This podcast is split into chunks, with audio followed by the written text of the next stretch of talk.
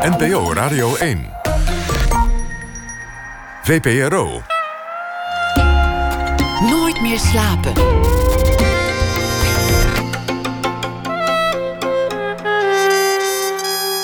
Met Esther Naomi Perquin. Goedenacht en welkom bij Nooit meer slapen. Deze maand is op tv weer wekelijks een telefilm te zien. Dat zijn Nederlandse films veelal met actuele thema's en gemaakt door aanstormend talent. En rond half twee blikken wij vooruit op Vind die domme trut en gooi haar in de rivier. Een film over de desastreuze gevolgen van een internetfilmpje. En Karin Amatmoukrim klom nog eenmaal in de pen om haar licht te laten schijnen over het nieuws van de voorbije dag. U hoort haar straks. Maar nu zit tegenover mij filosoof Daan Rovers. Zij groeide op in een dorp in Brabant, ging geneeskunde studeren, maar begreep tussen al die darmen, lymfklieren en hersenkwabben al spoedig dat wat zij echt wilde weten over de mens daar niet te leren viel. Ze maakte haar studie af, maar besloot zich daarnaast op de filosofie te richten. Veertien jaar lang was ze oorspronkelijk ook nog voor een deel ontzettend onbezoldigd trouwens, hoofdredacteur van Filosofie Magazine. Zij denkt, schrijft en spreekt over onderwerpen als opvoeding, feminisme, onderwijs en gezondheidszorg traint anderen, is programmamaker en doseert publieksfilosofie aan de Universiteit van Amsterdam. Een vrouw in een mannenwereld dus, al zit daar wel enige beweging in. Voor de serie Filosofische pamfletten Nieuw Licht werd Daan Rovers gevraagd zich te verhouden tot Rousseau, de filosoof die in 1762 het beroemde boek Emile of Over de opvoeding publiceerde. Laat het kind vooral kind zijn en bescherm het zoveel mogelijk tegen de grote mensenwereld. Dat is in een notendop de boodschap van Rousseau. Maar wat kun je daar nog mee in deze tijd? Want die grote mensenwereld, inclusief pornografie, geweld en allerhande dubieuze verlokkingen, lijkt steeds sneller in de deuropening te staan of erger nog in kinderkamers op te duiken. Daan Rovers, fijn dat je er bent. Nou, uh, gezellig, dankjewel. Hoe zat dat bij jou eigenlijk? Uh, want wij hadden vandaag zo'n dag met, met het begon al met de raketten van Trump. En naar, naar het einde van de middag toe kwam de aanslag in Stockholm daar nog overheen. Kun jij je herinneren hoe er bij jou thuis als kind werd omgegaan met groot nieuws? Jij bent van 1970. Ja, klopt. Uh, de Rode Khmer. Daar was je te jong voor. Nou ja, dat is van voor mijn tijd. De treinkaping.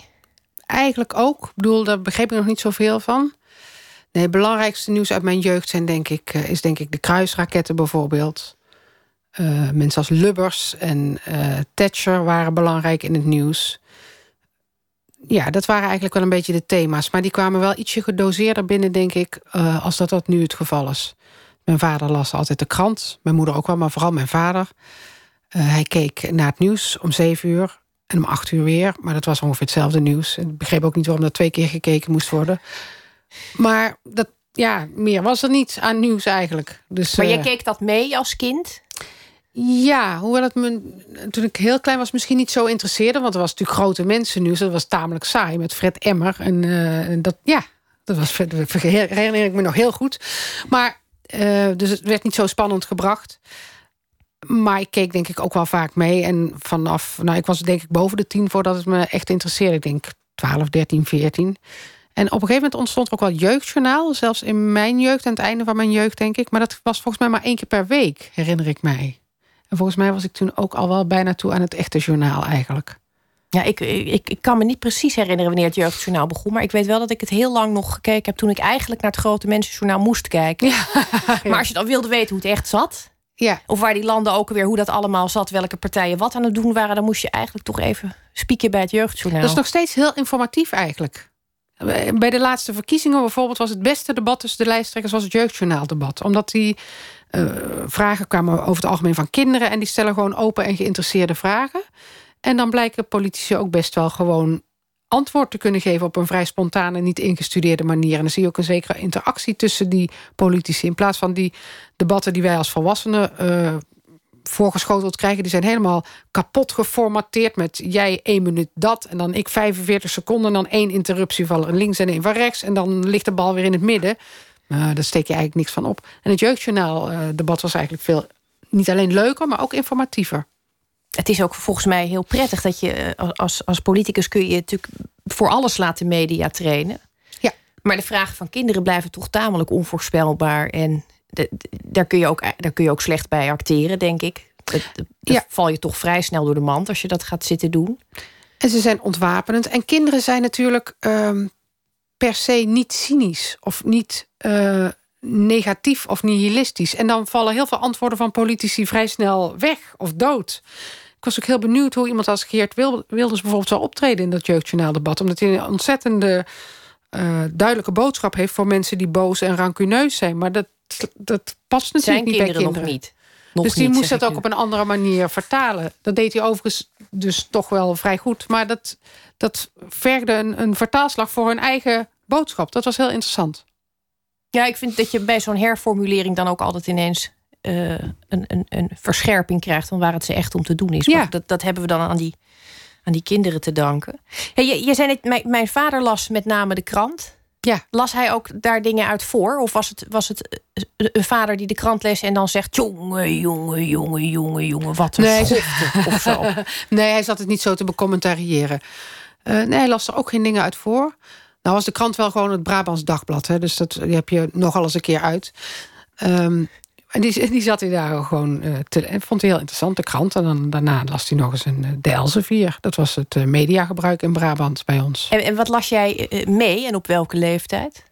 Nou, ik ging me wel vrij snel voor interesseren. En dan ging ik ook andere kranten aanvragen. Dus, of dan ging ik aan mijn vader vragen of de krant mocht kopen. Maar in het dorp waar ik woonde was niet zoveel. Dus de Volkskrant was daar niet. Dus dan was het de Telegraaf. En die heb je ook nog wel snel uit. Dus nou ja, dat was best wel een beetje behelpen de eerste jaren, zeg maar. Dus pas eigenlijk toen ik ging studeren... had ik toegang tot de media gemakkelijk ehm, die ik wilde. Dat heeft al een tijdje geduurd. Ja, ik, ik had het er Dat heb ik toevallig allemaal ingehaald nu, hoor. Ja, dat, ik, ik ben er altijd jaloers op. Ik had het er vandaag toevallig met mijn eh, vriend over. Dat hij ook zich herinnerde dat hij in zijn studententijd zo'n heel walhalla van, van allerlei tijdschriften. Vrij Nederland in Tot drie delen. kreeg. Fantastisch, ja. Ja, dat is het. Daar kan ik alleen maar ontzettend jaloers op zijn. Waarom? Had je... Nou, ik, had, ik, ik heb dat, dat, die, dat heb ik pas veel later ingehaald. nog, ja. Veel later nog, denk ik. Dus dat, dat eh, lijkt me ontzettende eh, luxe. Voor ouders is het overigens eh, ook lastig als kinderen heel jong wel mee gaan lezen, merkte ik. Want mijn, mijn zoon was een jaar of zes, toen was hij gewoon technisch klaar om alles te lezen. Geestelijk nog niet. Ja. Maar die had toen de Groene Amsterdammer ergens uit de krantenbak gevist. En vroeg, vroeg mij vervolgens: Mama, wat is een groepsverkrachting? Oei. Ja, dat vond Ja. ik lastig. Ja, natuurlijk. Dat ik dacht, het moet allemaal wel in huis zijn. Maar Ja. toen dacht ik, ik moet er dus een soort systeem op zetten. Dat was bij jouw ouders dus nog, nog niet het geval. Nee, en ik denk bij de meeste van mijn leeftijdsgenoten niet.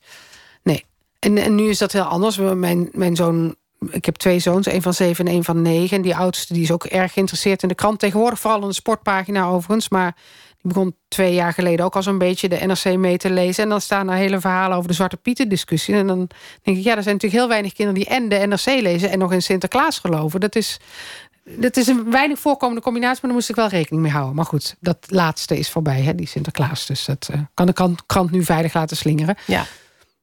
Maar ze luisteren nu ook niet hoor. Dus we kunnen het er gewoon over hebben hoe het allemaal zit. nou, misschien luisteren ze morgen wel terug trouwens. Maar nog even een stukje uitknippen. Ja, nou ja, dat brengt ons wel gelijk op het onderwerp eh, eh, van, van het. Wat moet je dan eigenlijk censureren? Wat censureer jij thuis? Mogen ze Ehm, alles mee? Nee, ze mogen niet het volwassen journaal van mij meekijken. Nou, tenzij ik weet dat er niet zoveel gebeurd is. Eh, ik censureer steeds minder, maar ik heb wel veel gecensureerd. Ik heb ook allerlei gespreksonderwerpen gecensureerd aan tafel. Zoals? Nou, dingen die ik te heftig vond, waarvan ik dacht: oh, daar raken ze helemaal van van slag. Dus er zijn wel eens van die dingen die in de krant staan, met name dingen die kinderen betreffen. De tijd van Robert M. bijvoorbeeld, daar hebben we het laatst nog over gehad met vrienden. Eh, toen waren mijn kinderen te klein, dus toen begrepen ze het überhaupt nog niet. Toen lagen ze eh, al, snel, al snel in bed in die tijd. Maar er zijn ook wel eens. eh, je hoort ook wel eens verhalen over kinderen die gepest worden en, en zelfmoord plegen, bijvoorbeeld. Dat zijn wel dingen die ouders met elkaar onderling bespreken. Maar in mijn geval gebeurt dat nooit waar de kinderen bij zijn. Dat vind ik echt veel te heftig. Dat kan ik eigenlijk zelf al nauwelijks aan om daar met andere ouders over te hebben. Maar nu zijn er ook wel veel dingen eh, in het nieuws. eh, regelmatig aanslagen. Eh daar zijn ook kinderen bij betrokken of daar komen kinderen bij om. Ik probeer wel steeds na te denken over... ja, kan ik, kunnen de kinderen dit nieuws nu wel of niet aan? En uh, nou ja, inmiddels kijken ze het jeugdjournaal, de oudste zelfs ook op school. Dus ik, het is niet meer helemaal aan mij om te beslissen welk nieuws ze voorgeschoteld krijgen. Maar daar wil ik dan toch wel graag bij in de buurt zijn. Ja, en je weet natuurlijk ook niet wat er nog op het schoolplein verder aan interessante politieke discussies wordt gevoerd. Nee, dat is waar. Je, je krijgt steeds slechter zicht op de zich uitbreidende wereld van je kind. En je, nou ja, je, ik in ieder geval wil er toch een beetje bij in de buurt blijven, een beetje greep of regie ophouden. En het wordt steeds moeilijker. Dus die uren thuis worden eigenlijk alleen maar belangrijker in plaats van eh, minder belangrijk. Druist dat tegen je, je, want dat, dat is een interessante positie. Je bent filosoof en daarnaast ook gewoon moeder. Ik neem aan dat je daar thuis verder geen last van hebt. Bij loodgieters lekt altijd de kraan bijvoorbeeld. dus dat, is, uh, ja. dat zou heel goed kunnen dat je daar verder geen hinder van ondervindt in je, in je moederlijke bestaan. Uh, maar, maar het is natuurlijk eh, lastig, want je hebt net als de meeste ouders dus de neiging om dat bij ze weg te houden. Nou, dat lukt steeds minder. Maar daarnaast heb je, eh, heb je een, een extra zicht op hoe noodzakelijk het is om die gesprekken te voeren, om dat door te nemen, om te kijken wat houdt ze bezig en hoe. Uh, daar moet je tijd voor ja. maken. Ja. Dat is voor de meeste ouders al best lastig. Ja, hoewel mijn ervaring eigenlijk is, tijd is er altijd. Omdat, kijk, je zit sowieso twee keer per dag aan tafel om te eten. En dan moet je toch ergens over hebben. Dus, uh, dus tijd is er wel, denk ik. Um, dat is het probleem niet zo. En voor mij geldt dat ik. Het interesseert me ook wel hoe ze. Wat ze weten, hoe ze aan die informatie komen, wat ze ervan vinden, wat het voor ze betekent. Dus dat probeer ik heel erg uit te vragen. Maar kinderen hebben niet altijd zin om daarop te antwoorden hoor. Die, die denken, ja, ja, eh. of ze komen met een, ontzettend fascinerende theorie. Op het moment dat je, dat je net een, een luier staat te verschonen, een boodschappentas uh, van een plank trekt, de telefoon met de verzekeringsman belt, et cetera. Dan zegt hij ineens: Ik vind Nelson Mandela een fascinerende man. Ja. Nou, daar wil je dan even voor gaan zitten, maar dat lukt niet. Um, dat, dat, dat vind ik uh, complexe dingen. Het, het, zou natuurlijk fijn zijn als je dat als, je, als, als kinderen gewoon een beetje mee zouden werken. Ja, het zou heel fijn zijn. Ja. Dat doen ze soms, maar, uh, maar niet altijd. Nee. nee. ik vind dat vaak nogal tegenvallen in de praktijk. ja. ja. Die, uh, wat jij net zei, dat ze op, op, op school ook al naar het jeugdjournaal ja. kijken. Dat was bij ons nog niet. Nee. Um, neemt een school ook de verantwoordelijkheid daar ten volle voor? Want het is eigenlijk ook nogal wat. Nou, dat wisselt heel erg per school volgens mij. En binnen de school nog per docent. Want uh, sommigen hebben daar meer affiniteit mee dan anderen. Uh, sowieso hoort het eigenlijk pas bij de bovenbouw. Want het jeugdjournaal, dat klinkt wel heel schattig. Maar het jeugdjournaal is niet een schattig programma. Het jeugdjournaal is echt een nieuwsprogramma. Het zit in het blokje van Sesamstraat en het Klokhuis. Maar het is echt andere koek wat daar gebeurt. En op school wordt er dus in de bovenbouw wel naar gekeken. Uh, in de klas van mijn zoon. De leraar van hem die vindt dat ook heel belangrijk en interessant. Dus die praat daar ook nog even over na. Een kwartier, twintig minuten lijkt me ook wel heel nuttig hoor. Want je kunt wel dingen laten zien. Maar als je alleen maar zendt en kinderen vol informatie propt, dan moeten ze daar zelf maar weer mee zien te dealen. En het jeugdjournaal is behoorlijk heftig. Er is ook onderzoek gedaan naar wat het doet met kinderen. Uh, en daar bleek dat één op de acht kinderen toch regelmatig wakker ligt van wat ze daar te zien krijgen. Dat is echt heel veel, hè? Eén op de acht, dat klinkt op zich nog mee. Maar dat zijn dus duizenden kinderen die daar wel eens van wakker liggen. Ja, ja ik, ik vond dat ook heel veel. Hoewel sommige mensen zeggen, ja, één op de acht kinderen ligt sowieso wakker om niks. Misschien is het niet veel, ik weet het niet. Maar ik denk toch dat het zinvol is om aandacht te besteden aan wat die kinderen zien en wat het voor ze betekent. En um, ik denk dat het heel moeilijk is voor kinderen om het onderscheid nog te kunnen maken. Wat dichtbij is en wat ver weg. En wat relevant is voor hun dagelijkse leefomgeving en wat, uh, laten we zeggen, ondergeschikt is daaraan. En welk gevaar reëel is voor hen en welk gevaar echt uh, van buiten komt en, en op afstand is. Ik denk dat dat veel moeilijker is en ook diffuser trouwens dan vroeger ik vind het zelf nog steeds heel lastig om dit te bepalen. Welk, welk gevaar van buitenaf komt, waar je je toe moet voor wat je kunt doen. Bijvoorbeeld, dat is een hele significante drang. Die heb je als kind ook al. Wat moet ik daar nou aan doen? Zure regen bijvoorbeeld, kan ik me herinneren. Hoor je nu eigenlijk nooit meer iemand over. Maar dat was toen. Toen las ik dat bijvoorbeeld dat, dat standbeelden zouden smelten van zure regen. Mm. Vond ik heel erg. Ja. Nou, dan, dan wil je als kind gelijk, dan wil je een plan voor maken. Ik geloof dat ik toen regenjassen wilde inzamelen of zo. Iets, iets wat echt geen zin had.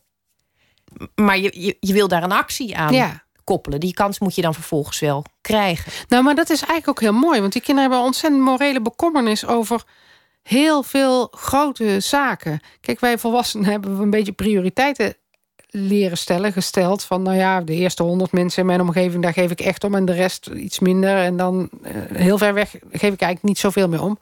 Maar voor kinderen is dat nog niet zo, volgens mij. En die kunnen heel goed op thema's die wij heel abstract vinden. De smeltende ijskappen.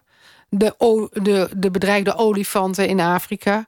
Of uh, kinderen in, de, in een vluchtelingententje in Libanon... kunnen ze onmiddellijk in actie schieten en zeggen... oh, we moeten iets doen, we moeten nu geld inzamelen... we moeten nu meedoen aan die actie. En dat is eigenlijk heel mooi, dat wil je eigenlijk heel graag behouden. Maar tegelijkertijd is het heel lastig, want ze krijgen zoveel van dat soort informa informatieve impulsen... dat je, ze kunnen wel bezig blijven met cupcakes bakken de hele dag...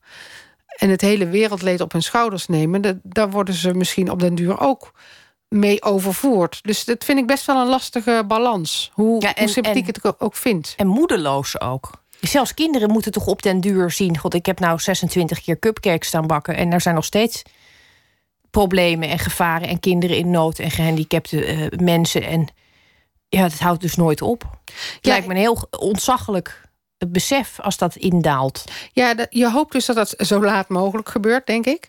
Um, omdat... Um, eh,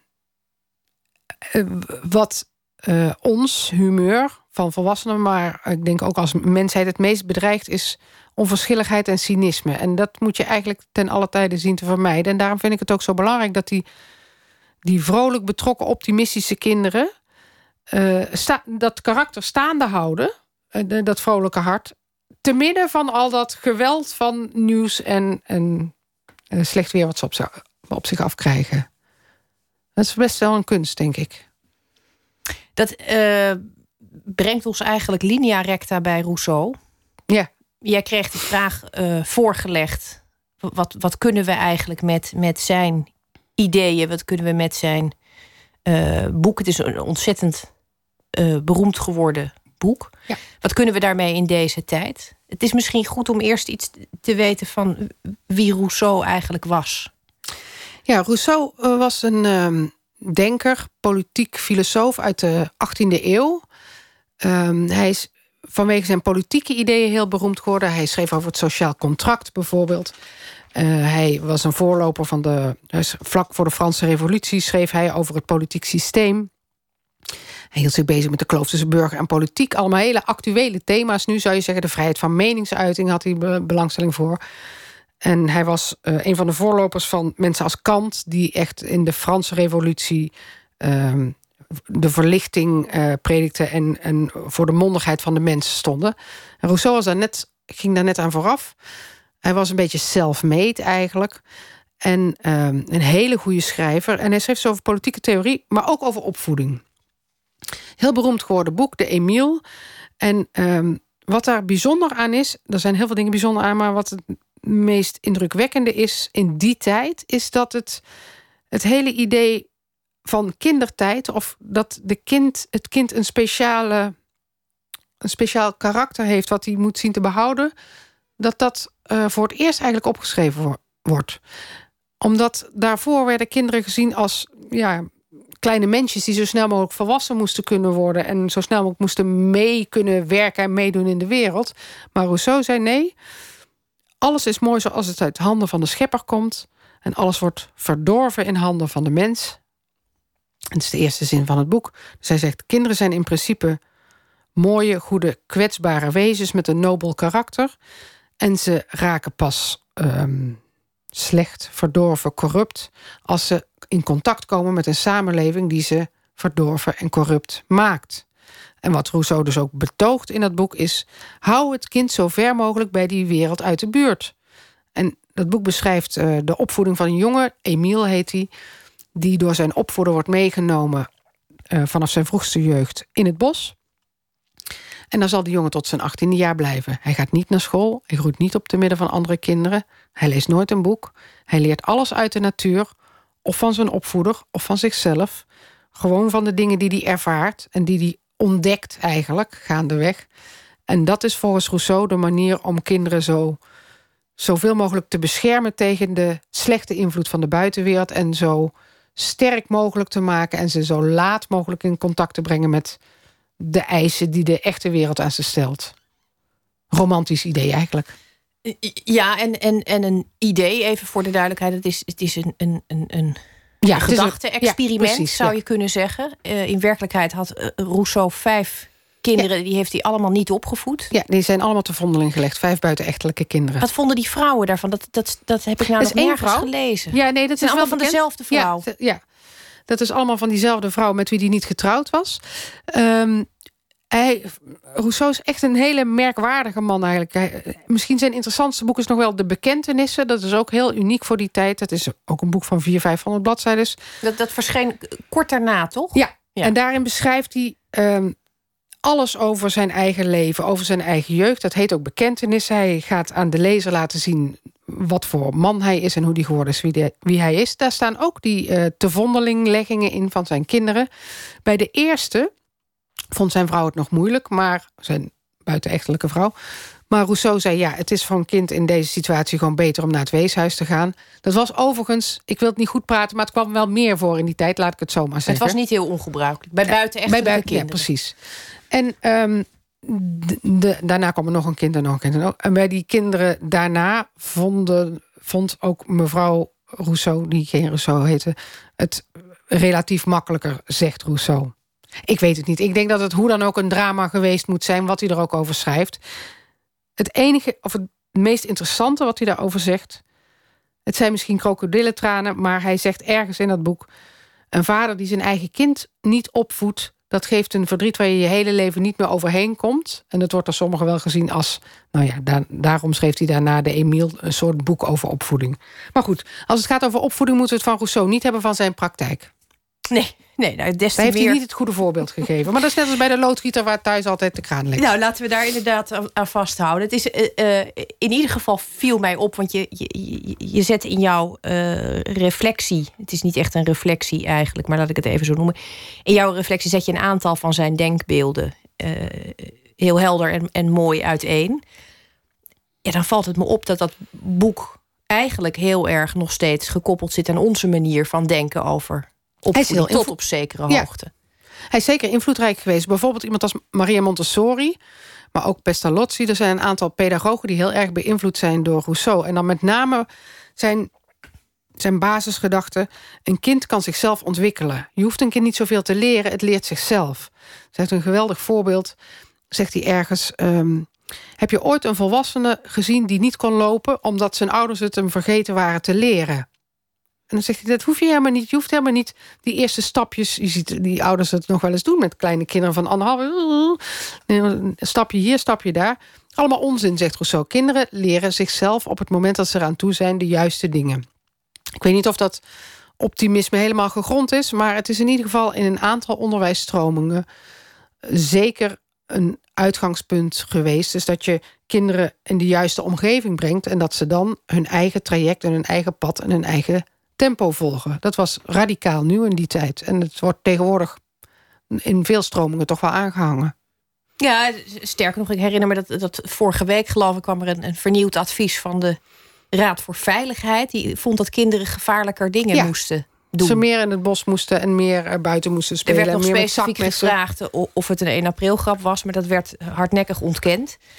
Um, dat was trouwens wel heel grappig, want daar werd, daar werd gezegd: kinderen klimmen te weinig in bomen. En dan had ik net diezelfde dag... waren mijn eigen kinderen in een boom geklommen... en was ik terecht gewezen door een ouder van datzelfde veldje... dat dat niet mocht vanwege de boom. Dat was zielig voor de boom. zielig voor de boom. Ja, nou, moet niet gekker worden. Zei, had, maar geen, had hij maar geen boom moeten worden. Of niet op dit veld moeten staan. Nou, wat, ik, wat, wat mij opviel toen ik eh, voor, voor het eerst zo'n beetje... Te, de, de, dat gebeurt, hè? Dan, dat is heel gek. Dan was je dan eigenlijk niet op voorbereid. Je denkt, ik krijg gewoon een kind, dat is ontzettend... Uh, een boeiende materie. en dan zit je ineens met allemaal ouders ook opgescheept. Je komt in een groep waar je helemaal niet uh, per se op voorbereid was. Die, die ook niet altijd heel aangenaam is. Maar ik herinner me dus dat ik dan met mijn oudste zoon in een speeltuin was. En dan gingen kinderen bijvoorbeeld omgekeerd tegen een glijbaan oplopen. Mhm. Dat is het eerste wat je doet als je een beetje fantasie hebt. Namelijk, je denkt, ik kan er afglijden, maar hoe kom ik dan weer omhoog? Dat is leuk. En er waren er dus echt heel vaak, ja, moeders vrees ik toch wel vaak, eh, die dan gingen zeggen, daar is die niet voor bedoeld. Ja. Dat vond ik altijd ontzettend, vond ik heel teleurstellend toen ik dat voor het eerst zag. Ik was zelf ook wel eh, een mietje hoor, dat, dat er geen aansteker mocht rondslingeren en zo. En, en de keukenkastjes moesten ook gewoon met een kindervergrendeling. Maar het, het, het, je hebt inderdaad de neiging om dat allemaal voor te zijn, dat allemaal te behoeden. En er is natuurlijk ook in deze tijd wel heel veel eh, discussie over. Ja. ja, je komt als ouder enorm in een disciplinerend systeem weer, ook met, met kraamzorg en met eh, consultatiebureaus. En je, moet al, je, je bent net eh, een tijdje volwassen. En eh, als je je kinderen niet al te jong krijgt, ben je daar ook helemaal aan gewend. En laat je door niemand meer de wet voorschrijven. Maar daar zit je weer als een soort middelbare scholier-examen te doen bij zo'n consultatiebureau. Dat is even slikken, ja. Dat herken ik ook nog wel. Het wordt wel ietsje minder op, in de loop der jaren. Maar je moet wel weer aan allerlei aan andermans eisen voldoen de hele tijd. Ook nog eens met je kind, wat nog veel lastiger is, omdat het veel gevoeliger ligt. Kan je niet zo makkelijk zeggen, nou, hij groeit niet zo goed, maar dat trekt later heus wel bij hoor. Daar zou ik me niet zo zorgen over maken. Dat, mm, dat is niet zo makkelijk. Is dit ooit uitgetest eigenlijk? Om, om, om de methode Rousseau even in de praktijk met een kind in het bos te gaan zitten? Nou, nee. Hij heeft, het was in zijn tijd natuurlijk ook al niet gebruikelijk. Hij zegt heel radicaal. Hij zegt, je moet gewoon... eh, je moet eigenlijk niets leren dan behalve uit ervaring. En dat kan natuurlijk helemaal niet. Ook niet met leeftijdsgenoten omgaan. Maar wat ik er interessant aan vind is dat, dat Rousseau zegt... eh, je moet kinderen weerbaar maken tegen groepsdruk. Daar komt het eigenlijk op neer. Hij is, het, het, hij is eh, ontzettend bang voor conformisme. Dat kinderen doen wat anderen van ze verwachten. En hij zegt, daar zijn kinderen helemaal nog niet op gebouwd. Je moet een bastion opbouwen rondom de ziel van je kind. Dat vind ik... Ja, ik, het, het kan niet zoals hij het voorstelde. Het is misschien ook niet wenselijk. Maar ik vind wel dat wij nu van kinderen van vier, vijf, zes... wel heel veel verwachten. Het is tegenwoordig heel normaal op een schoolplein... dat als twee kinderen van vijf ruzie hebben... dat de juf zegt, die zijn nu oud genoeg om het zelf verder op te lossen. Ik vind dat moeilijk om te zien. Ik vind dat wij uh, de, eigenlijk van kinderen toch weer die jongvolwassenen hebben gemaakt... waar we net een tijdje van af waren. Ik vind dat we ze toch wel een klein beetje mogen helpen... met het uh, wegwijs worden in de wereld. Dat is dus echt het, het, het schipperen tussen ja, te dat... veel bijsturen... Ja. te voorzichtig zijn, te waarschuwend... Ja. en te veel aan, aan hun eigen lot overlaten. Ja. Nou, ik heb met uh, ruzies is natuurlijk ook een, een, een ontzettend ingewikkeld onderwerp. Daar komen we straks misschien nog even op terug. De omgang met leeftijdsgenoten. Daar heb je in zo'n bos verder geen, geen last van. Als je nee, daar... daar wilde Rousseau zijn kind, uh, dat kind helemaal niet aan blootstellen. Nee. De, op zijn achttiende, dan kan hij pas een beetje... Dan pas, dat vind ik ook trouwens een mooi punt... Hij zegt, kinderen zijn heel gevoelig voor concurrentie. Nou, ik heb twee kinderen waar de leeftijdsverschil maar twee jaar is. Dan kan je zien de, hoe dat uitpakt. En hij zegt, daarom moet je ze gewoon uh, apart van elkaar opvoeden. En dan pas als ze 16 zijn of 18, dan kunnen ze dat aan, die concurrentiedruk. Ja, dat, ja.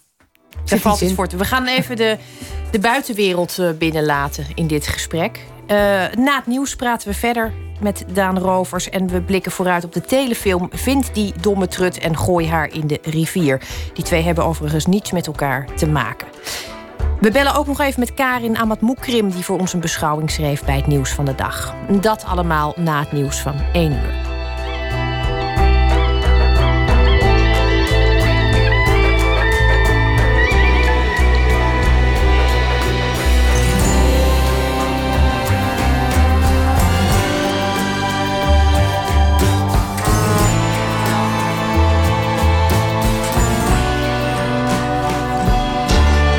Radio 1, het nieuws van alle kanten.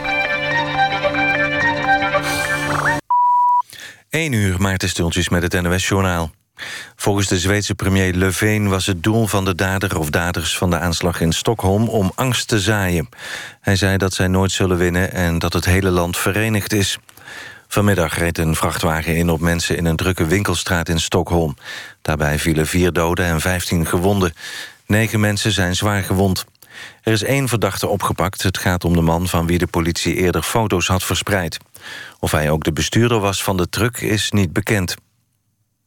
Het Syrische leger vliegt weer vanaf de basis die gisteren door Amerika werd beschoten. Dat meldt het Syrisch Observatorium voor de Mensenrechten. De straaljagers konden volgens die organisatie maar met moeite opstijgen... door de schade van de beschieting. Ze zouden de stad Homs hebben gebombardeerd. Amerika vuurde afgelopen nacht tientallen kruisraketten af op de luchthaven... als vergelding voor de aanval met gifgas dinsdag. De VS geven de regering Assad daarvan de schuld. Bij de aanval zouden acht mensen om zijn gekomen. Het militair overleg tussen Rusland en de Verenigde Staten... over de luchtacties boven Syrië staat onder grote druk... na die Amerikaanse aanvallen. De Russen zouden vanavond nog stoppen met het overleg... via de zogenoemde hotline. Via die lijn wisselen de landen coördinaten uit... om te voorkomen dat ze elkaars vliegtuigen uit de lucht schieten. Volgens het Pentagon is er niets aan de hand. In de eredivisie is vanavond één wedstrijd gespeeld. Excelsior won de uitwedstrijd tegen Sparta op het Kasteel. In de Rotterdamse derby werd het 3-2 voor Excelsior. Daarmee staan de clubs nu op een gedeelde vijftiende plaats. Het weer wisselend bewolkt met weinig wind. Daardoor kan het in onbewolkte delen wat mistig worden. Het wordt een graad of 5. Morgen begint bewolkt, maar later is er flink wat zon bij een graad of 15. Zondag wordt een volop zonnige dag, dan kan het lokaal 22 graden worden. Dit was het NWS Journaal. NPO Radio 1. VPRO. Nooit meer slapen.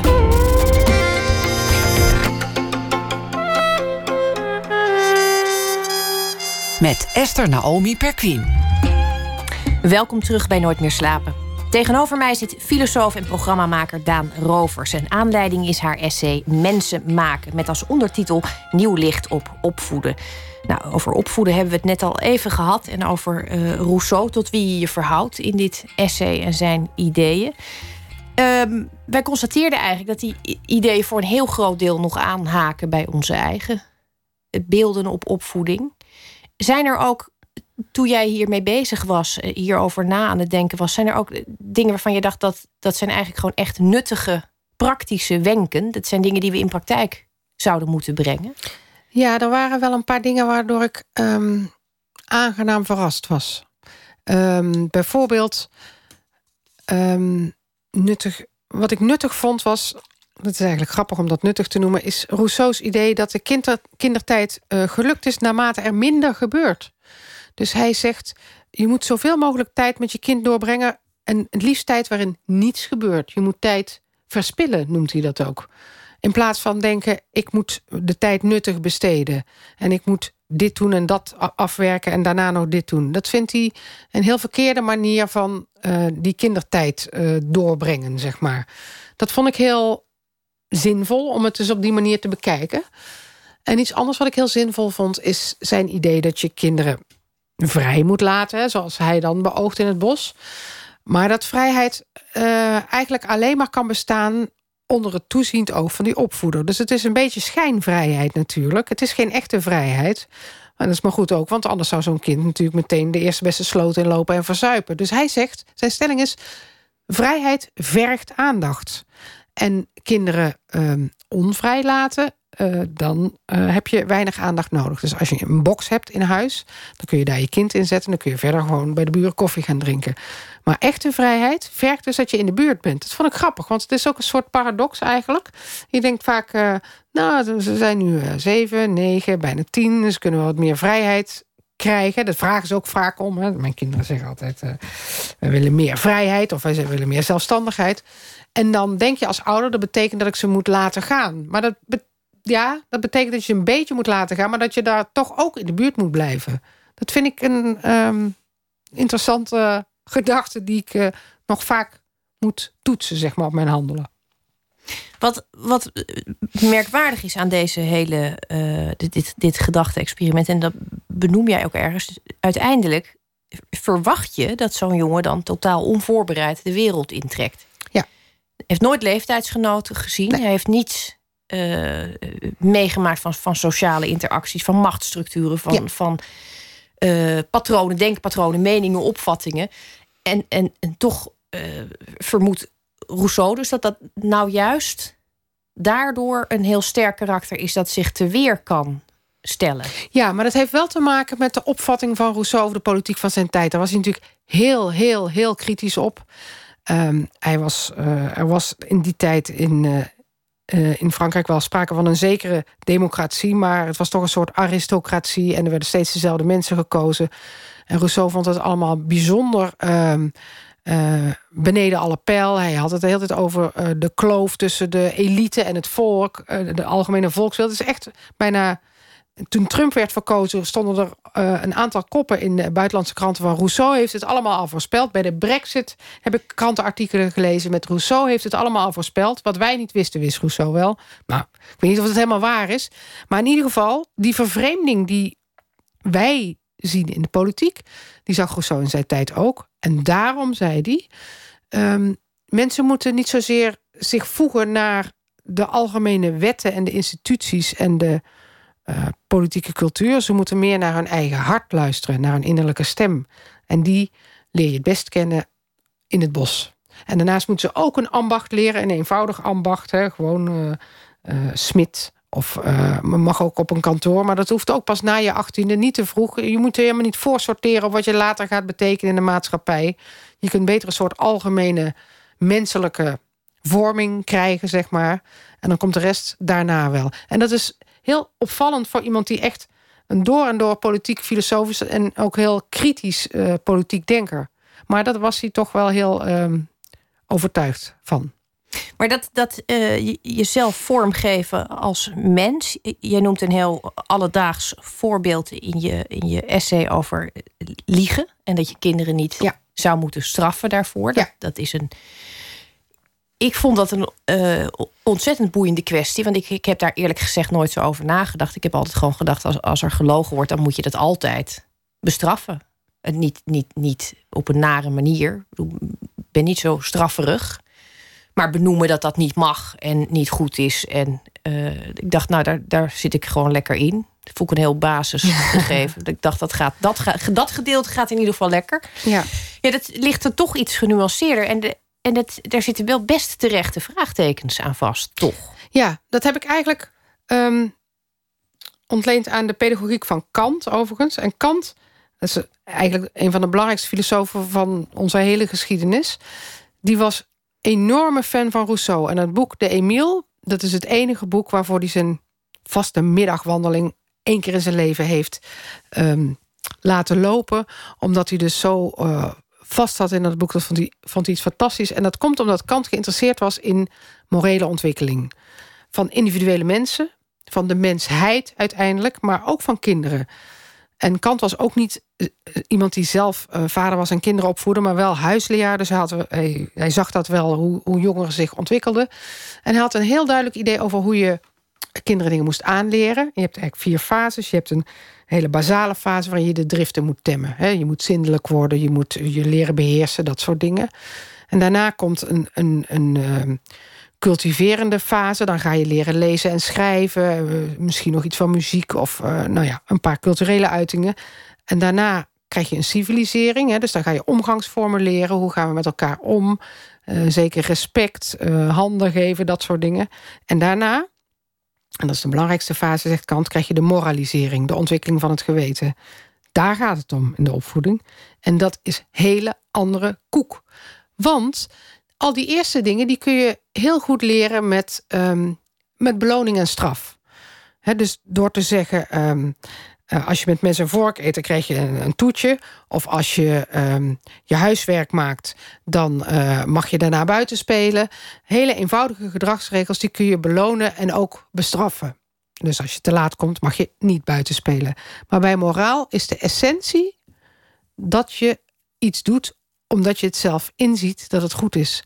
En als je dat gaat bestraffen, dan zegt Kant, dan ga je eigenlijk een kind leren dat ze iets niet mogen doen omdat jij het vindt of omdat ze daarna straf krijgen. Maar zo werkt het in de wereld helemaal niet. En dan ga jij kinderen dis disciplineren of um, een soort puppycursus geven. Hè? Zoals je honden africht. Ja, een gedresseerd soort... huisdier ja, noem je het ergens. Ja, dan, dat ja. is een soort dresseren. En dan vervalt het goede gedrag ook meteen als de juf de klas uitgaat. Of als, als de ouder niet meer oplet. Of als omdat de kinderen het, op kamers het, het gaan. echte inzicht, het, het zelf zien dat het niet goed is of wel goed is. Omdat dat ontbreekt. Moraal heeft alleen maar zin als je het vanuit jezelf doet. En als je het alleen maar doet omdat een ander oplet of omdat je bang bent van straf, dan zit je in een soort fase waarin, dat, uh, waarin je niet echt van moraal kunt spreken. En daarom zegt Kant: mag je wel een kind straffen als het te laat op school is, bij wijze van spreken. Ja, omdat dat, dat, is, dat kun je trainen, dat kun je disciplineren. Maar dat moet je een kind nooit straffen als het een morele regel overtreedt. Dan moet je dus steeds uitleggen waarom die regel van belang is. Of waarom, en dan moet je dus een kind een inzicht geven wat er gebeurt als je dat niet toepast. Het is heel veel werk, maar het is het enige wat eigenlijk er zelf bij zegt. Ja. ja. want dat, dat is niet in één keer gedaan natuurlijk. Maar zo gaat het natuurlijk met al die dingen. Met je niet aan je afspraken houden. Je kunt kinderen daarvoor straffen. Maar dat is eigenlijk een soort conditionering... die alleen maar op de korte termijn zin heeft. En um, ik denk eigenlijk dat uh, die vierde fase, die moralisering... Ja, dat begint natuurlijk eigenlijk pas als kinderen wat ouder zijn. En heel veel ouders denken dan, nou, het is nu wel ongeveer goed. Hè. Ze, zeggen, ze geven een hand als ze binnenkomen, ben heel tevreden... en nu, uh, nu is het klaar. Nu ga ik weer aan mijn eigen leven beginnen. Maar dan, dan ben je eigenlijk helemaal nog niet klaar natuurlijk. Dan moet er nog een heel deel van denken... Wat, kinderen natuurlijk, wat je natuurlijk zelf moet ontwikkelen als kind... maar dat moet nog ontwikkeld worden. Daar moet je toch ook een beetje bij in de buurt blijven, denk ik. Het leren denken. Ja. Toen jij de filosofie inrolde, want ik noemde dat helemaal aan het begin even. Dat gebeurde eigenlijk tijdens een studie geneeskunde. Je deed het er al naast. Ja. En uiteindelijk dacht je, ik hoor daar eigenlijk veel meer dan ik in de geneeskunde thuis hoor. Ja, dat dacht ik eigenlijk tijdens mijn eerste college al hoor. Maar... Waarom eigenlijk? Ja, omdat me dat echt interesseerde. En ik zat al twee jaar, tweeënhalf jaar, denk ik, geneeskunde te studeren. Ik vond er eigenlijk geen fluit aan. Maar ja, dat is wel een vak. Ik bedoel, dat is iets waar je een diploma voor kunt krijgen. En dan heb je een beroep en daar kun je wat mee. En ook heel nobel trouwens. Maar saai vond ik het wel, zeg. Jezus. En, uh, maar gelukkig, toen kwam er een bijvak filosofie. Toen dacht ik, oh, dit is leuk, dit is leuk. Dit ga ik gewoon sowieso doen. En dan, dan zien we later wel. En wat was het in, in uh, filosofie? Want ik, ik, ik, eerlijk gezegd ook altijd, de filosofen die ik ken zeggen ook heel vaak: ja, je bent natuurlijk eigenlijk geen filosoof als je klaar bent. Je bent natuurlijk eigenlijk een. Ja. Het, het is een, een, lastig te vatten, het is een breed uitwaaien. Het, het loopt niet trechtervormig netjes één kant op. Nee. Er zijn heel veel verschillende soorten opvattingen natuurlijk over de wereld. Dat was ook zo fascinerend. Mijn eerste college ging vier uur lang over Descartes. Weet ik nog heel goed, vond ik echt fantastisch. En ik had echt wat begrepen daarna van Descartes, geloof ik. Meende ik. En de week daarna hadden we vier uur lang over Spinoza. En Spinoza heeft alleen maar kritiek op Descartes. En ik dacht, wat verdorie, heb ik het helemaal verkeerd begrepen vorige week. En dan moet ik een Spinoza. En, dat, en dat ging iedere week zo door. En iedere week kreeg ik een heel nieuw wereldbeeld voorgeschoteld. Waardoor het vorige radicaal bijgesteld moest worden. Dat vond ik echt duizelingwekkend. Daar droomde ik echt s'nachts van. Nou, dat had ik van die colleges bij geneeskunde, droomde ik nooit van. Maar het, het, klinkt mij ook alsof iedere week weer. Je, je wordt iedere keer weer wordt de bodem onder je uitgetrokken. Dan sta je net weer overeind. En dan komt er iemand en die zegt: Ha, je, je dacht dat je stond, maar kijk eens. Ja. Flop, daar gaat hij weer. Ja. Nou, niet in existentiële zin natuurlijk, maar wel in. Nee, ik kan me voorstellen dat je als mens wel overeind bleef. Maar maar het is ook een periode voor de meeste mensen waar je gaat studeren omdat je dingen wil weten. Ja. Niet omdat je de hele tijd wil weten dat je dingen niet weet of anders had moeten zien of anders kunt zien. Ja, maar ik denk dat ik het liefst dingen wil begrijpen. Dat is wat anders dan dingen weten. En um, of ik wil eigenlijk weten wat dingen betekenen. Misschien is dat nog beter gezegd. En daarom um, ben ik denk ik heel erg thuis in de filosofie, omdat ik steeds van al die boeken die ik lees, of van al die colleges die ik kreeg, een andere manier kreeg aangereikt van wat het betekent om mens te zijn, of wat het betekent om um, kennis te vergaren, of wat het betekent om goed en kwaad te onderscheiden. En dat vond ik, nou ja, dat, dat is zo'n rijkdom, die ideeën, traditie, dat kon ik zelf allemaal nooit uitgedacht krijgen. Ik ben dan heel blij dat ik het een beetje soms kan navertellen. Um, en dat vond ik echt fantastisch. En ik denk dat ik medicijnen ben gaan studeren omdat ik, ja, ik had een, een beta-pakket. Ik was geïnteresseerd in biologie en scheikunde. Dat vond ik allemaal heel interessant. En ik dacht, ik ben geïnteresseerd in, in wat, in mensen. Nou, dat is niet waar. Dat is denk ik, ja, dat is op een bepaalde manier wel waar. Maar ik denk dat heel veel meisjes van 15 denken: oh, ik wil iets met mensen. Dat zei ik dan ook. Maar dat wilde ik helemaal niet. Ik wilde weten wat de mens is. Veel abstracter. Dat vond ik eigenlijk veel interessanter. Maar dat kon ik toen niet zo formuleren. En daar kwam je bij medicijnen natuurlijk helemaal niet achter. Te weten. Nee, dat ging veel meer over allemaal concrete mensen met allemaal hele nare plekjes op hun huid. En uh, die hadden dan allemaal oorzaken. Dat is ook wel interessant, maar dat interesseerde mij niet zoveel. Mij interesseerde veel meer wat is de plek van de mensen op aarde. Nou, dan zat ik bij filosofie veel beter. Nou goed, dat, dat, dat is leuk en aardig, Daan. Maar dan moet je natuurlijk op een gegeven moment naar die lieve vader met zijn kranten en zijn Elsevier ja. in Brabant. Ja. Om uit te gaan leggen. Nou ja, jullie dachten dat ik nou iets, iets heel nuttigs ging doen, maar ik wil toch heel graag ja. de filosofie in. Ja. Hoe, hoe was het die kerst? Nou, daar heb ik heel slim aangepakt, al zeg ik het zelf. Ik heb mijn medicijnstudie niet opgegeven, die heb ik gewoon afgemaakt. Dus ik zei, dat is een bijvak.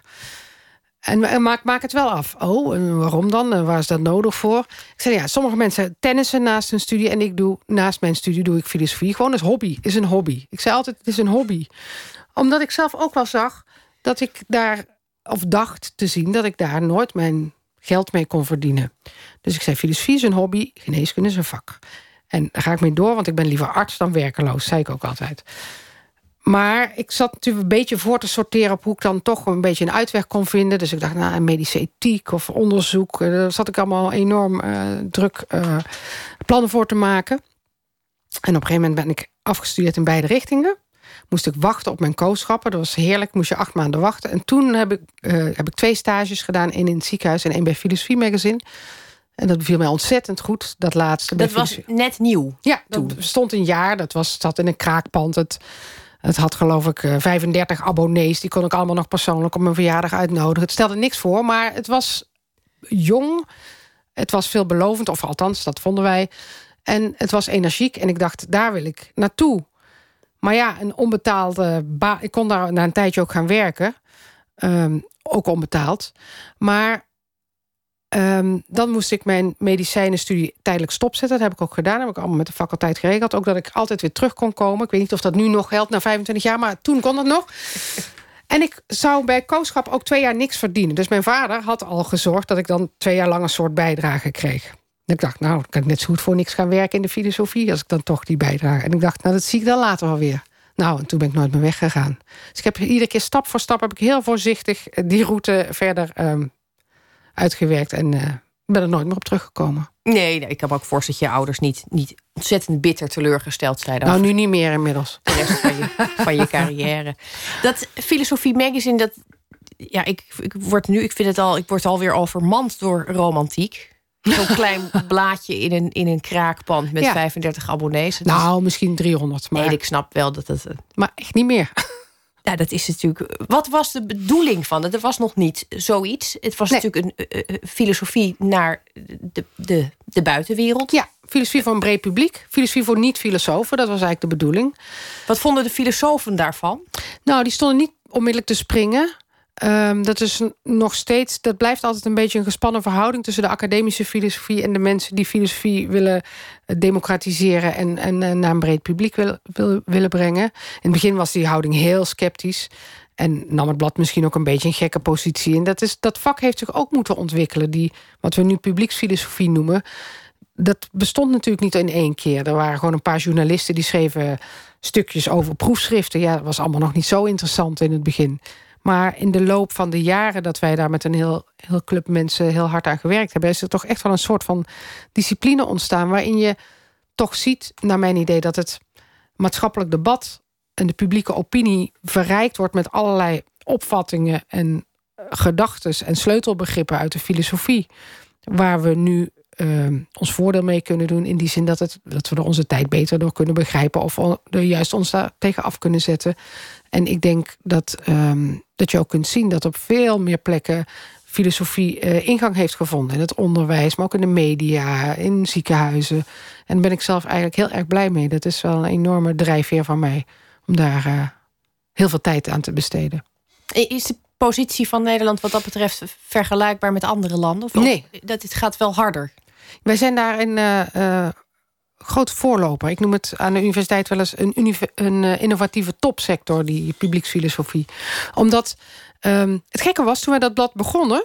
Nou ja, ik was er niet helemaal aan het begin bij, maar aan, aan de beginjaren keken wij jaloers naar Duitsland, Frankrijk, België. Want daar was filosofie in het onderwijs en daar had je zoveel van die publieke figuren die filosoof waren. Maar de laatste jaren is het eigenlijk behoorlijk omgedraaid. Inmiddels zijn er ook in Duitsland en in Frankrijk publieksfilosofische tijdschriften, maar dat is pas na Nederland gekomen. Ze zijn iets groter dan in Nederland, maar per hoofd van de bevolking wel weer kleiner, laat ik het zo maar zeggen.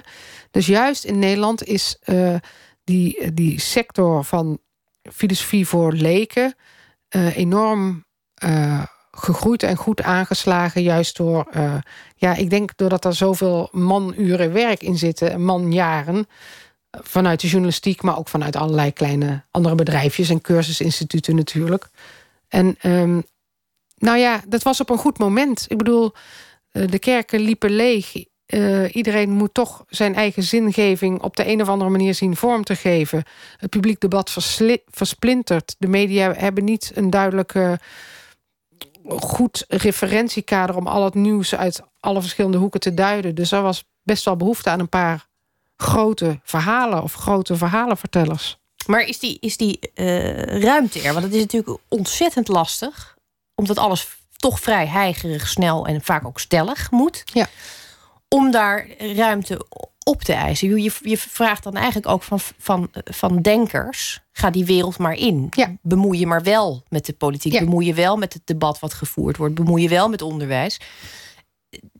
Terwijl dat een, een, een, een vak is waarbij je uh, de, de tijd moet nemen. Het is eigenlijk net zoiets als, als, uh, nou ja, als, als poëzie die heel snel geschreven moet worden. Ja.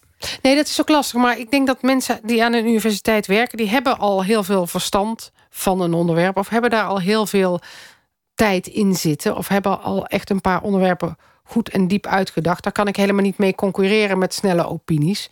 Maar het ambacht wat ik inmiddels heel goed onder de knie heb... is om te weten waar die mensen zitten... en dat te vertalen naar een breed publiek. Want dan kunnen die academici ook niet altijd zelf altijd even lekker. Die, die, die, ja, die hebben zo hun eigen wetenschappelijke jargon voor collega's. Maar ik vind het wel fijn dat er een platform is ontstaan... onder andere via tijdschrift, maar ook op andere manieren inmiddels... waarop die ideeën van die academici een, een plek krijgen eigenlijk. Hè, waarin die uh, gehoord worden en weer uh, geïnjecteerd worden... zal ik maar zeggen, in het publieke debat... waar ze uiteindelijk toch thuis horen. Want er is niet... Ja, ik denk dat ook de academische collega's zullen vinden dat hun opvattingen uiteindelijk van belang zijn voor de wereld. Misschien niet voor het nieuws van vandaag, maar wel voor de vorming van het onderwijs of onze opvattingen over democratie. Ja, dit is ook, ook toch weer een, een. Dat haakt natuurlijk ook weer aan aan leren denken. Dat, dat, Ja. dat stopt godzijdank ook niet. Ja, het is allemaal toch die, dat idee van die verlichting. Hè? Dus wat Kant zei, de bevrijding uit je eigen onmondigheid. Dat is het doel van de opvoeding natuurlijk. Ontwikkelen naar mondigheid. Dat is iets anders dan een grote mond trouwens. Maar, hè, dus, maar naar zelfbepaling. En eh, dat wil je eigenlijk ook, die, die emancipatoire, diep democratische gedachte... wil je eigenlijk ook bereiken in een samenleving. Dat iedereen voor zichzelf denkt en zijn eigen beslissingen neemt... en daarvoor gaat staan. En in die zin volwassen is. Dus wat dat betreft, dat vind ik eigenlijk ook heel erg grappig. Heb ik ook geleerd in, door mijn onderzoek naar die pedagogiek. Pedagogiek was vroeger een bijvak van de filosofie. Dat zou je niet zeggen nu, denk ik.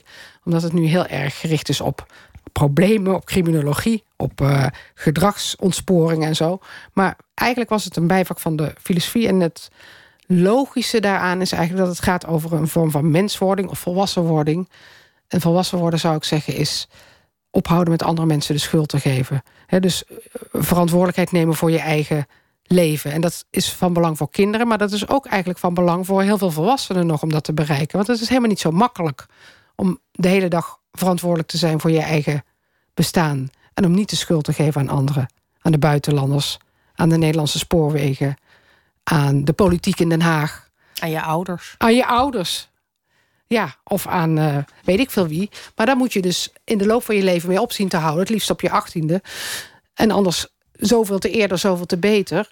En dat is die gedachte, die, eh, die autonomiegedachte eigenlijk... die komt uit de verlichting, uit de tijd van Kant. En die is zowel het doel van de opvoeding als het doel van de mens, denk ik. Die liggen toch al behoorlijk in elkaars verlengde. En daar heb je wel een heel leven werk aan. Dat is wel jammer. Dit is toch ook heel bemoedigend? Ja, ja, dat is waar. Het is nooit af. Dat is, ja, dat is niet anders. Dankjewel dat je er was. En uh, Mensen maken heet het boek met als ondertitel Nieuw licht op opvoeden. Daan Rovers, ik vond het een heel fijn gesprek. Van mij had je eigenlijk ook nog gewoon een hele tijd mogen blijven zitten. Nou ja, dat. Uh... Maar het is gunstig dat je nog wat nachtrust krijgt. Nee, weet je, moet tenslotte morgen ook weer ja. opvoeden. Zo is het. Uh, we weten inmiddels nu hoe zwaar het is. dat hebben we in ieder geval helder gekregen. We gaan uh, luisteren naar muziek.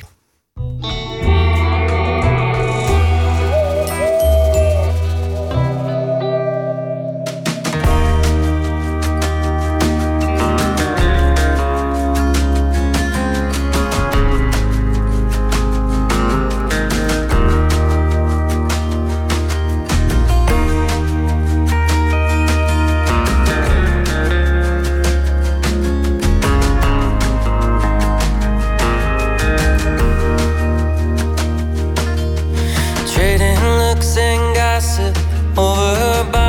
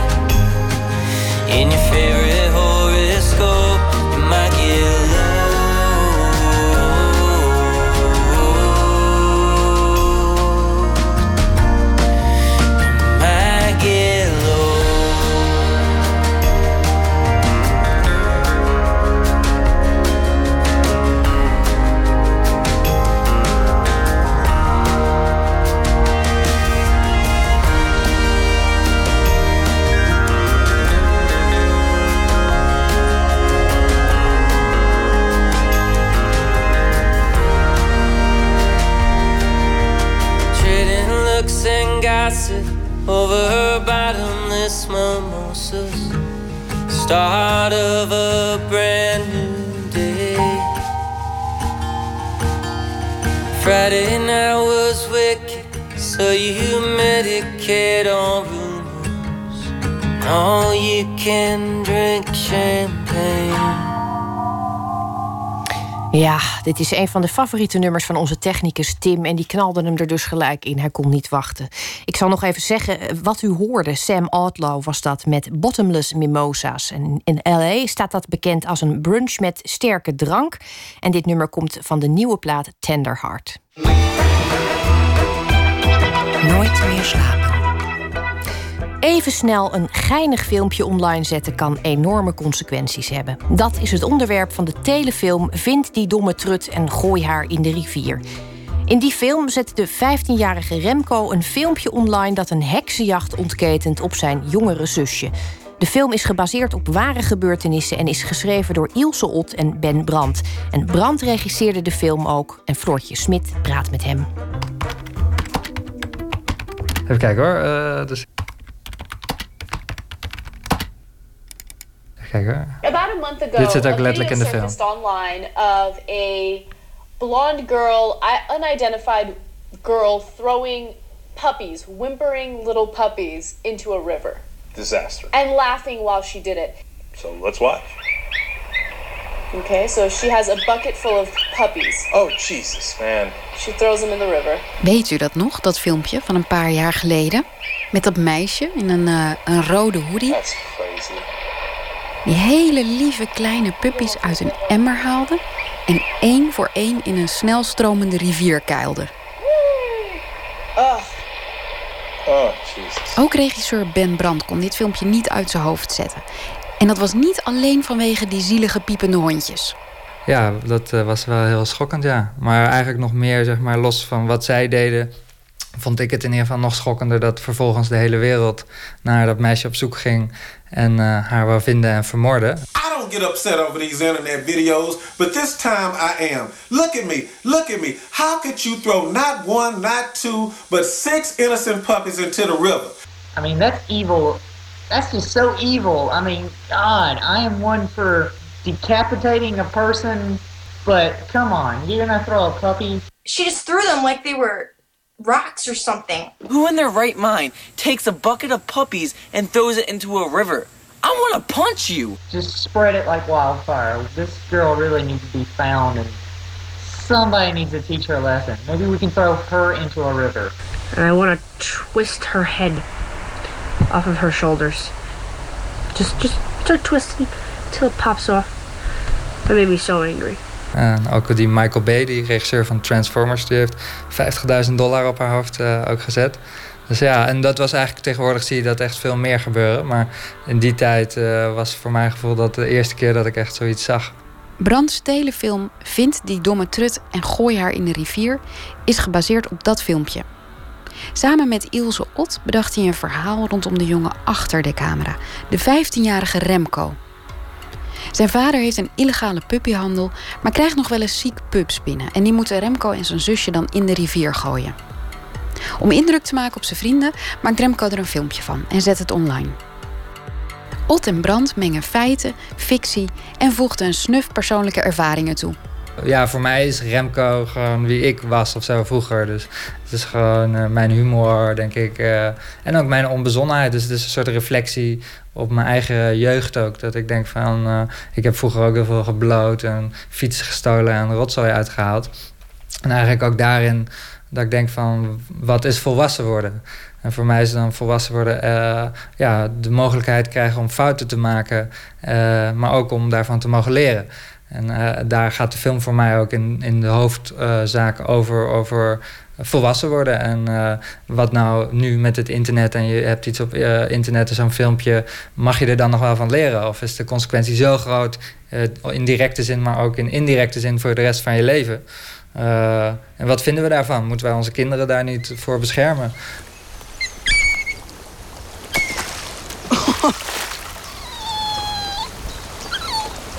Hoppa. Gast, ga niet lopen filmen. Ik heb geen make-up op. Doe normaal, joh. Je ziet er hartstikke goed uit. Nee, ga weg. Come on, lovely Lizzie. One for the camera, please. Je hebt het filmpje heb je nagemaakt, uh, toch? Ja, ik heb het filmpje heel vaak bekeken en uh, uh, ja, gewoon zo goed mogelijk nageprobeerd te maken. Dat was wel lastig, want die puppies die in het echte filmpje zitten, die zijn een stuk kleiner. En nou, ik uh, erop gehamerd van ik wil kleine puppies, kleine puppies. Ja, ja, komt goed. Uh, nou, stuur me foto's. Ja, ja, ze zijn zo groot als mijn hand ongeveer. Ja, top. En ik weet nog dat we op die draaidag waren. En dat was het tweede gedeelte van de draaidag dat we dat uh, gingen opnemen. En oh, de puppies zijn er. Nou, ik zat net een hap eten te nemen en kijken over mijn schouder. Eh, naar achter. En ik zie een kooi met zulke grote puppies gewoon aankomen. Nou, ik ging echt helemaal stuk. dus we hadden ook zo'n emmer waar gewoon iets van zes van die beesten in het script ook in moesten. Want dat is ook hoe het in de werkelijkheid waren. Dus een stuk of zes. Ja, er gewoon twee of drie paste erin. Dus ik, oh, dan, nou, dan heb je echt zo, krijg je echt zo'n inzinking. Dat je denkt, oh, en dan kan ze ze dus ook niet zo hard gooien. Want in het echte filmpje gooit ze ze echt bovenhands heel hard. Ja, en ze is een klein meisje, dus voor haar hand was natuurlijk nog, die pup nog groter. Ja, dat was wel echt een zweetmoment. Uh, dat ik dacht van, hoe geloofwaardig gaat het worden... omdat we het niet echt deden... dat zij die pup daar in de rivier kan gooien, zeg maar. En dat is eigenlijk tot en met het einde van de montage... want we hadden dat nog steeds niet... want die visual effects jongens... die waren op een gegeven moment pas begonnen. En het heeft eigenlijk tot en met de grading pas geduurd... voordat ik echt uh, het beeld had en dacht... Yes, het is gelukt. Weet je? Want ik dacht, ja, daar valt of staat die film gewoon mee. Als dat niet geloofwaardig is, dan uh, hield het op. Aan de andere kant, een geloofwaardig filmpje waarin een van de hoofdpersonen van de film puppies in een rivier gooit, maakt het de kijker niet bepaald makkelijk. Het is en blijft een afschuwelijk beeld. Ja, ik denk dat dat ook de, bij de fondsen het meest uh, speelde, zeg maar, die vraag. Van uh, ja, god, uh, hoe ga je zo iemand die zoiets doet sympathiek krijgen? Dus zorgt Brand ervoor dat je Remco, zijn zusje en hun wereld eerst leert kennen. Ze dollen met elkaar, Remco hangt rond met vrienden en zijn zusje doet mee aan een talentenjacht. Doodgewone, sympathieke pubers. Die alleen onder wat rottige omstandigheden opgroeien. Nou ja, weet je, ik denk dat dat ook voor mijn gevoel de kracht is van film maken. Dat uh, wij dingen van buitenkant zien altijd in ons dagelijks leven. En daardoor heel snel een oordeel kunnen vellen. Uh, maar de kracht van film is juist om je, jou en de kijker te laten verplaatsen in het leven van iemand anders. Om het begrijpelijk te maken. En uh, nou ja, dat is eigenlijk wat ik ook heel mooi vind aan film. Dat je gewoon inderdaad met een pedofiel een keer een inzicht kan krijgen. Of met een die, of met een die, of met, zelfs met Hitler. En denk, ja, nou, dat vind ik dus ook uh, eigenlijk zelf heel interessant. Dus daarom spreekt zo'n verhaal, wat ook heel extreem is, natuurlijk juist aan. Dat je denkt, jezus, weet je wel, hoe, hoe, uh, hoe komt dat zo? Waarom doet zo iemand dat? En waarom zou ik het dus in mijn jeugd ook uh, gedaan hebben? En dat was eigenlijk ook bij deze film wel een soort sociaal experiment bijna. Omdat dat filmpje natuurlijk zo'n heftige reactie uit, uitlokte op internet destijds. Dat ik dacht van nou, als we nou dat filmpje op 10 minuten in de film exact gewoon zo in de film stoppen. Uh, wat voor reactie levert dat dan op bij de kijker? En waar ligt voor mensen de grens dat ze dan op een gegeven moment zeggen: ja, oké, okay, hier is het wel goed. En nu heeft ze de straf wel gehad of niet. Het is gestoord, gast. Hoe kom je hier aan? Ik, ik heb dit gefilmd. Dit heb jij gefilmd? Ik zweer het je. Kijk hier. 40.000 views. Kijk, als heb je dit online gezet? Ja, man. Gast, er komen er steeds gewoon 80 bij. Als Remco dat filmpje eenmaal online heeft gezet, legt dat automatisch een interessant soort dreiging over de film heen. De kijker weet namelijk dat er een heksenjacht komt, maar dat gebeurt niet meteen. En alle gebeurtenissen in de film krijgen daarmee extra spanning. Dat moet fijn zijn voor een scenarist, al heeft het volgens Brand ook nadelen. Maar het wurgt je ook. Want dat merk ik gewoon ook heel erg nu. Als je naar de film kijkt van die balans tussen en dat filmpje. Wat we eigenlijk ook zoveel mogelijk naar de achtergrond wilden drukken. Maar mensen, ja, die willen gewoon, weet je, dat is toch heel sterk. Dus mensen zijn toch de hele tijd van, ja, ja, ja, ja, ja leuk allemaal. Maar uh, hoe gaat het nou met het filmpje? En dat merkten we erg in de montage, dat we ook dachten van... hé, hey, wat nou als we dat, die puppy in de rivier gooi scène is echt naar voren halen in de film. Maar dan waren al die, zeg maar, beginscènes die nu, zeg maar, uh, de eerste tien minuten zijn... voordat dat komt... Uh, die voelde ineens overbodig. Want dan dacht ik, ja, waarom zie ik dit nu nog? Al die karakterontwikkeling eigenlijk. Ik heb daar maar geen zin in. Ik wil weten hoe het met het filmpje gaat. Dus ik denk dat dat echt voor ons allebei de grootste kopzorg eigenlijk was.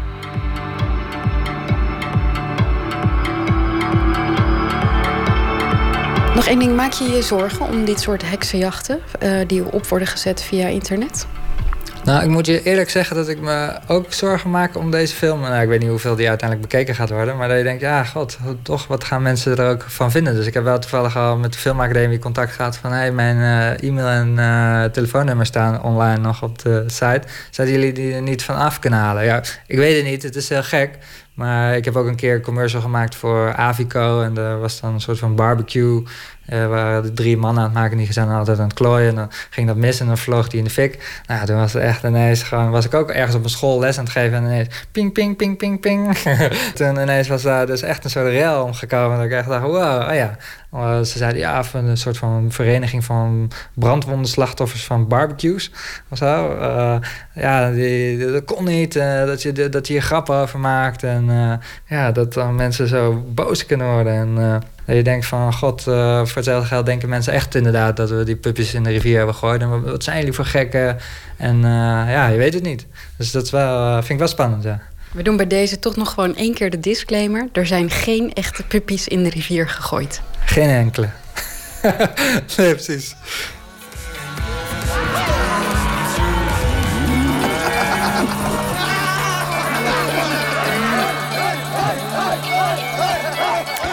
Hoorde Ben Brandt over zijn telefilm Vind die domme trut en gooi haar in de rivier. De film is komende woensdag op 12 april te zien op NPO 3. De Nederlandse singer-songwriter Kim Jansen heeft een nieuwe plaat afgeleverd, getiteld Cousin. Met opnieuw veel intieme en ingetogen songs, waaronder dit rijk georchestreerde Take Shelter.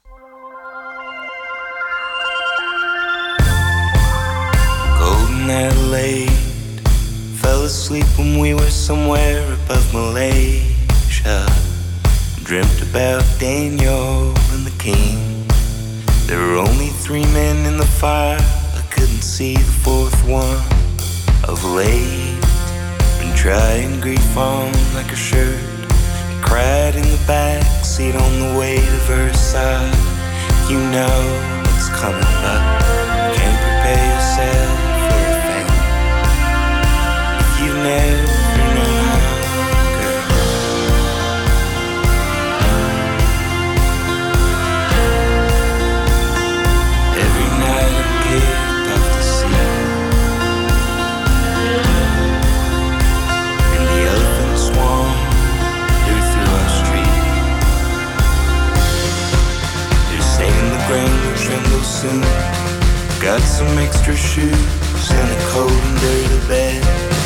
Hear the black babe zoom across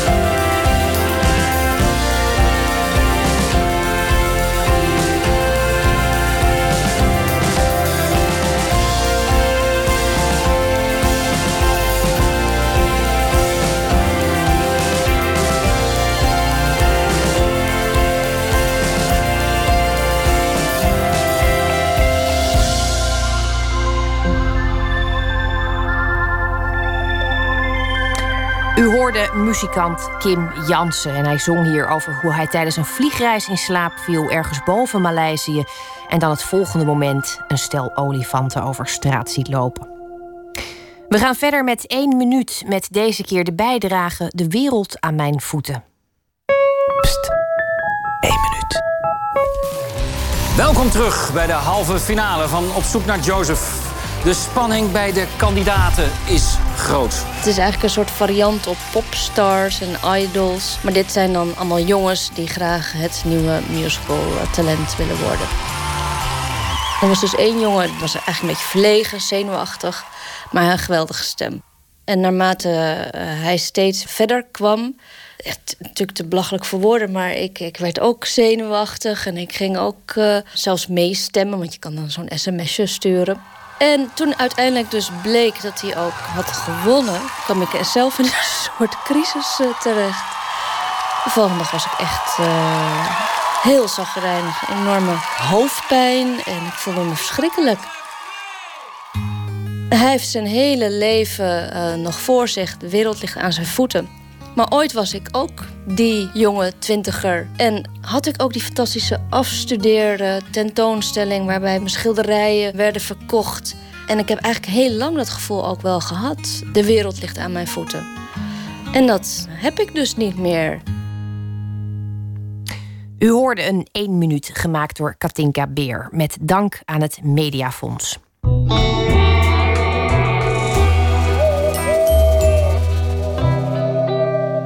Elke week vragen we een schrijver of dichter om met proza te reageren op het nieuws van de voorbije dag. En deze week wordt dat verzorgd door Karin Amat Moekrim. Ze schreef zes romans, waarvan de meest recente Tenzij de Vader heet. Karin, goedenacht. Goedenacht, Esther. Je had een, uh, stel ik me zo voor, een, een, een, wonderlijke dag qua nieuws. Wakker worden met, met Trump en, en uh, tegen de avond uh, de vreselijke berichten uit Stockholm. Ja. Uh, was er nog een ontkomen aan eigenlijk? Nou, eerlijk gezegd wel. ik had het ontzettend druk met het voorbereiden van een uh, verjaardag van mijn dochter. En uh, het schrijven van een stukje voor jullie en ook nog voor een paar andere mensen. En een vriend van mij is uit Canada uh, over. En um, dus er waren allerlei sociale dingen waarin ik kon ontsnappen. Dus... Dat klinkt als een, een druk en levendig bestaan. Met wat feestelijke elementen, dat is ook altijd heel goed. Ja, toch. Ja. En eigenlijk uh, waar ik vandaag veel over na zat te denken... door onder andere die vriend van mij... en door het feit dat mijn dochter vandaag 13 is geworden... is hoe snel toch altijd de tijd voorbij gaat. En dat je daar echt zo helemaal geen enkele grip op hebt. Uh, wat ik best wel een beangstigende gedachte vind. En tegelijkertijd ja, is het ook een herinnering, denk ik... En, dat we beter moeten opletten. Eigenlijk op onze tijd. Het, is een, uh, dat, het zou mooi zijn als we dat nou eens een keer grondig zouden opslaan. Het idee dat we beter moeten opletten. Ik heb het gevoel dat dat altijd heel snel weer verdwijnt. Um, wij gaan met uh, plezier ongetwijfeld uh, naar je luisteren. Oké. Ik keek naar een filmpje van een file. Een lange rij auto's schuifelde door een straat. Zo nu en dan een woedend toeteren. Automobilisten die geïrriteerd uit het raam hingen. Het had iets tijdloos, dat beeld. Het had gisteren opgenomen kunnen zijn, maar ook dertig jaar geleden. Het filmpje was me toegestuurd door een goede vriend... die tien jaar geleden naar Canada migreerde. Hij is deze week teruggekomen naar Nederland. Ik was verbijsterd om te zien hoeveel sporen de tijd achterlaat... op een gezicht van iemand die je al een decennium niet hebt gezien. Vroeger, toen we elkaar pas leerden kennen... keken we naar Beavis en Butthead op MTV... en luisterden we samen naar rapmuziek. Nu lijkt hij op zijn vader, met volwassen zorgen over een echtscheiding en werkeloosheid. Dit is niet zoals ik het me had voorgesteld, zei hij. Tijd is een vreemd concept. Het kan geruisloos voorbijgaan en ons tegelijk onveranderlijk aantasten. We hechten ons aan de tijd en dan vooral aan dat deel dat al verstreken is. Nu mijn oude vriend hier is, denk ik aan hoe we waren voor we werden, wie we nu zijn. Hoe voor onze ouders, ooit onkwetsbaar in onze ogen, het einde opeens niet meer ondenkbaar is. En ik vraag me af, hebben we wel genoeg genoten van de tijd terwijl hij verstreek? Hebben we genoeg gelachen, genoeg bemind? Of hebben we ons vooral bezig gehouden met dat wat vlak voor ons lag, dat wat net buiten bereik was? Het filmpje van de file toont uiteindelijk de oorzaak van de opstopping. Het blijkt, heel absurd, een man te zijn, verkleed als een slak. inclusief huisje op zijn rug. Hij kruipt tergend traag over het asfalt. De automobilisten achter hem weten er geen raad mee. Sommigen proberen hem te passeren, maar de weg is te smal. Hun woedend klaksoneren klinkt extra onzinnig tegen de achtergrond van een man die, om geen andere reden dan om een goede grap uit te halen, de tijd tot bijna stilstand vertraagt. Ik speel het filmpje een paar keer af en ik moet steeds vreselijk hard lachen. Alsof ik daarmee mijn eigen verloren tijd wil compenseren. Dankjewel, Karin. Wat een prachtig beeld geef je ons mee zo in de nacht. Uh, ik heb het niet gezien, ik ga het dus even zoeken. Uh, nou weet je bij schrijvers natuurlijk nooit... misschien had je het wel gewoon uh, helemaal verzonnen... en dan gaan we massaal zoeken naar iets wat niet bestaat. Dat is ook prachtig. En alle tijd die daarmee weglekt. Ja, um, nog een vraag, omdat me dat ineens te binnen schoot. Wat, wat doen meisjes eigenlijk met hun dertiende verjaardag? Of wat doet jouw dochter met haar dertiende verjaardag? Nou, zoals tot haar grote ontevredenheid was ze naar een Romeinse opgegraven Romeinse nederzetting in Duitsland met de klas.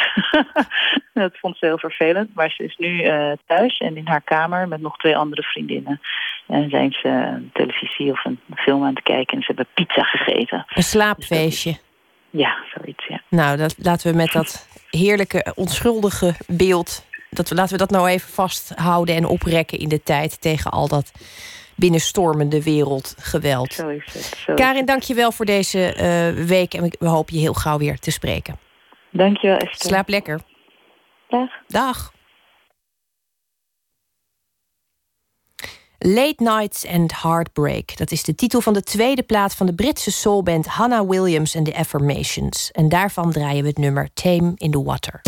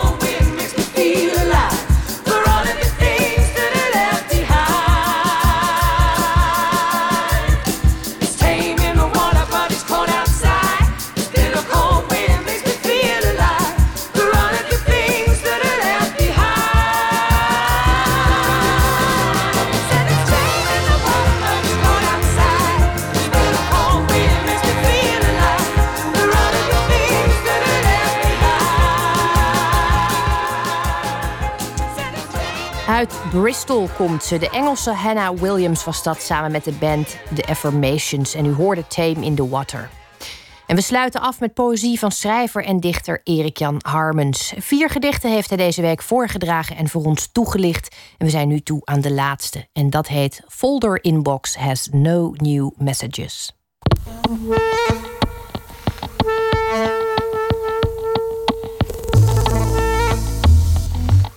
Folder inbox has no new messages. We liepen door de stad en ik hield je vast, met mijn arm strak om je nek, zodat een ieder zei: die twee hebben wat. Ik staarde in het gapend gat van een lege, froten ijskast. Ik had geen mooie broek aan, maar het gaf niet, zei je, en veegde mijn as als een wesp van je vest. Maar dat was voor de duvel en de kwak. We rijden nu over een onverhard stuk weg. Kun je dit nog lezen? Mijn vingers in je gleuf geven af op de, ik denk, bizonleren achterbank. Of is het sky? Of lig ik nu niet in een taxi? Slaan we nu niet rechtsaf? Is het geld dat hij opeist de ritprijs? Jij met je mond en memmen schenk niet meer bij.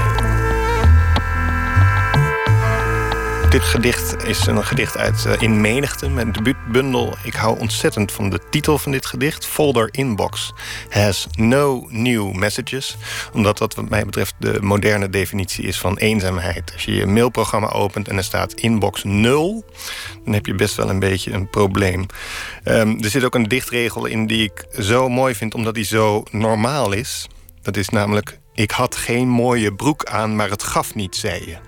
Dat vind ik een geweldige zin die eigenlijk in alle cursussen creatief schrijven onmiddellijk met een rode pen wordt doorgehaald, maar daarom juist zo krachtig kan zijn, omdat het uh, zo non-poëtisch is. Het is, het is totale non-poëzie en daarmee uh, is het geslaagd. Dit is een gedicht dat ik ook heel vaak voorlas tijdens poetry slams. Dat zijn voordrachten poëzie voorlezen, of wedstrijden poëzie voorlezen, waar ik veel aan heb meegedaan in een uh, ver, ver verleden. En um, tenslotte zit er het woord memmen in. Jij met je mond en memmen. Uh, daar eindigt het gedicht een beetje mee en uh, daar hou ik van. Ik zal het nog een keer voorlezen, zodat we dat woord memmen nog even goed in ons kunnen uh, inprenten. Folder inbox has no new messages. We liepen door de stad en ik hield je vast, met mijn arm strak om je nek, zodat een ieder zei: die twee hebben wat. Ik staarde in het gapend gat van een lege froten ijskast. Ik had geen mooie broek aan, maar het gaf niet, zei je, en veegde mijn as als een wesp van je vest. Maar dat was voor de duvel en de kwak. We rijden nu over een onverhard stuk weg. Kun je dit nog lezen? Mijn vingers in je gleuf geven af op de, ik denk, bizonleren achterbank. Of is het sky? Of lig ik nu niet in een taxi? Slaan we nu niet rechtsaf? Is het geld dat hij opeist de ritprijs? Jij met je mond en memmen schenk niet meer bij. U hoorde dichter Erik Jan Harmens. Maandag komt acteur Peter Paul Muller langs. Die speelt in een film over Zuid-Afrika. En hij gaat in gesprek met Pieter van der Wielen. Dat is dus maandag. Straks kunt u nog luisteren naar Joop Radio. En ik wens u voor nu een hele mooie nacht.